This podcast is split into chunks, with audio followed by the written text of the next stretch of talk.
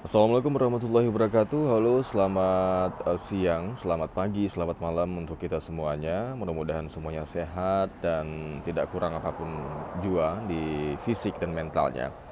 Hari ini saya akan membagikan sebuah artikel tentang hukum relativitas Einstein. Teman-teman, satu lagi hukum alam yang perlu kita pelajari dan kita amalkan dalam kehidupan kita sehari-hari. Penemuan Albert Einstein ini sangat selaras dengan ilmu kehidupan. Relatif secara sederhana adalah suatu penilaian, suatu hal atau suatu materi yang belum dimiliki, maksudnya belum memiliki nilai yang baku dan masih dalam berubah-ubah dari satu waktu ke waktu lainnya dan tergantung dari cara pandang seseorang. Misalnya nih, UMR atau upah minimum suatu daerah misalnya di daerah W sekitar 1,2 juta rupiah. Dan itu cukup buat kebutuhan hidup selama satu bulan. Sementara UMR di daerah J sekitar 4,2 juta rupiah, namun terasa masih kurang untuk bertahan hidup selama satu bulan. Apa faktor pembeda dari kedua kasus di atas? Yang memiliki UMR lebih besar kok malah masih terasa kurang ya untuk kebutuhan hidup. Sedangkan yang memiliki pendapatan 1,2 juta rupiah malah bisa cukup. Nah, itulah teori sederhana dari relativitas Einstein. Di sekitar kita ada peribahasa sawang sinawang atau rumput tetangga lebih hijau dan lain sebagainya. Yang pada intinya suatu penilaian itu relatif, tergantung bagaimana cara pandang seseorang atau bagaimana seseorang menyikapinya. Ada yang menilai uang 10 juta rupiah banyak sekali, namun ada juga yang menilai uang 100 juta sedikit. Jadi sedikit atau banyaknya uang itu relatif.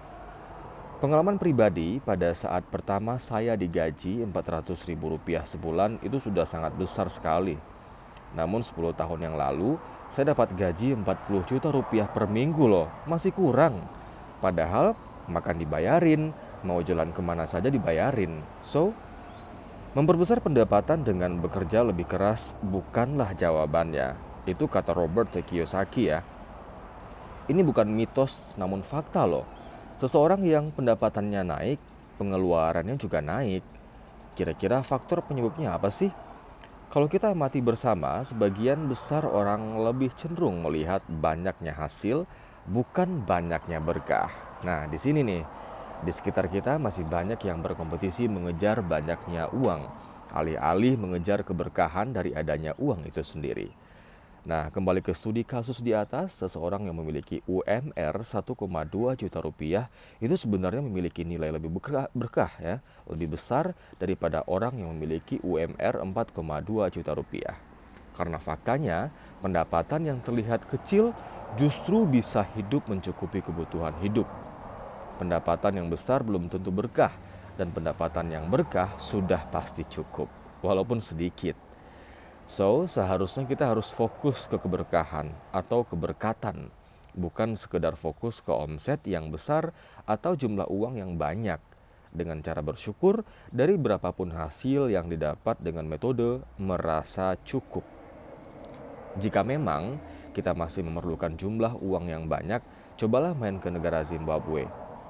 Uang satu triliun Zimbabwe bisa disimpan di dompet loh di sanalah tumpukan uang malah bisa buat dudukan, buat nongkrong bersama. Namun, tahu nggak sih, uang satu miliar di Zimbabwe hanya bisa ditukar dengan tiga butir telur ayam. Nah, kalaulah usaha yang besar menjadi tujuan utama, faktanya televisi swasta terbesar pertama di negeri ini pilot dan terjual murah oleh MNC Group. Atau mungkin ada yang menganggap bisnis ojek bisnis kecil level kampungan namun faktanya, valuasinya Gojek jauh lebih besar daripada bisnis penerbangan. Dari sini kita bisa belajar bahwa kita tidak perlu membandingkan besaran suatu usaha atau banyaknya uang. Bahkan kita tidak perlu membandingkan nilai mata uang rupiah kita dengan dolar misalnya. Sebenarnya nilai rupiah antar daerah bisa berbeda-beda. Dari studi kasus di atas, uang 1,2 juta rupiah di daerah W justru lebih bernilai daripada uang 4,2 juta rupiah di daerah J. Mengejar banyaknya uang sama halnya menggali sumur yang tak ada ujung, teman-teman. Pangkalnya yang hanya sekedar menghilangkan dahaga. Itu menurut RB Sentanu ya. Namun dengan nilai syukur, nilai suatu barang akan terkoreksi bertambahnya nilai nikmatnya. Diulang ya, namun dengan nilai syukur, nilai suatu barang akan terkoreksi bertambah nilai nikmatnya. Ini janjinya, janji Tuhan teman-teman. Apa pun yang kita syukuri akan berkembang secara otomatis. Syukurilah seberapa banyak uang yang ada di dompet Anda, maka otomatis Anda akan menaikkan nilai uang itu. Di Jepang ada Ken Honda yang mempopulerkan Ya, saya ulang ya. Di Jepang ada Ken Honda yang mempopulerkan arigato money.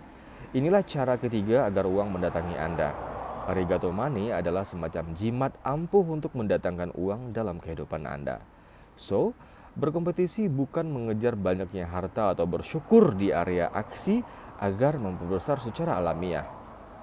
Saya berdoa agar Anda dimudahkan pandai-pandai untuk bersyukur, untuk menuai kemakmuran dari kesejahteraan hidup Anda.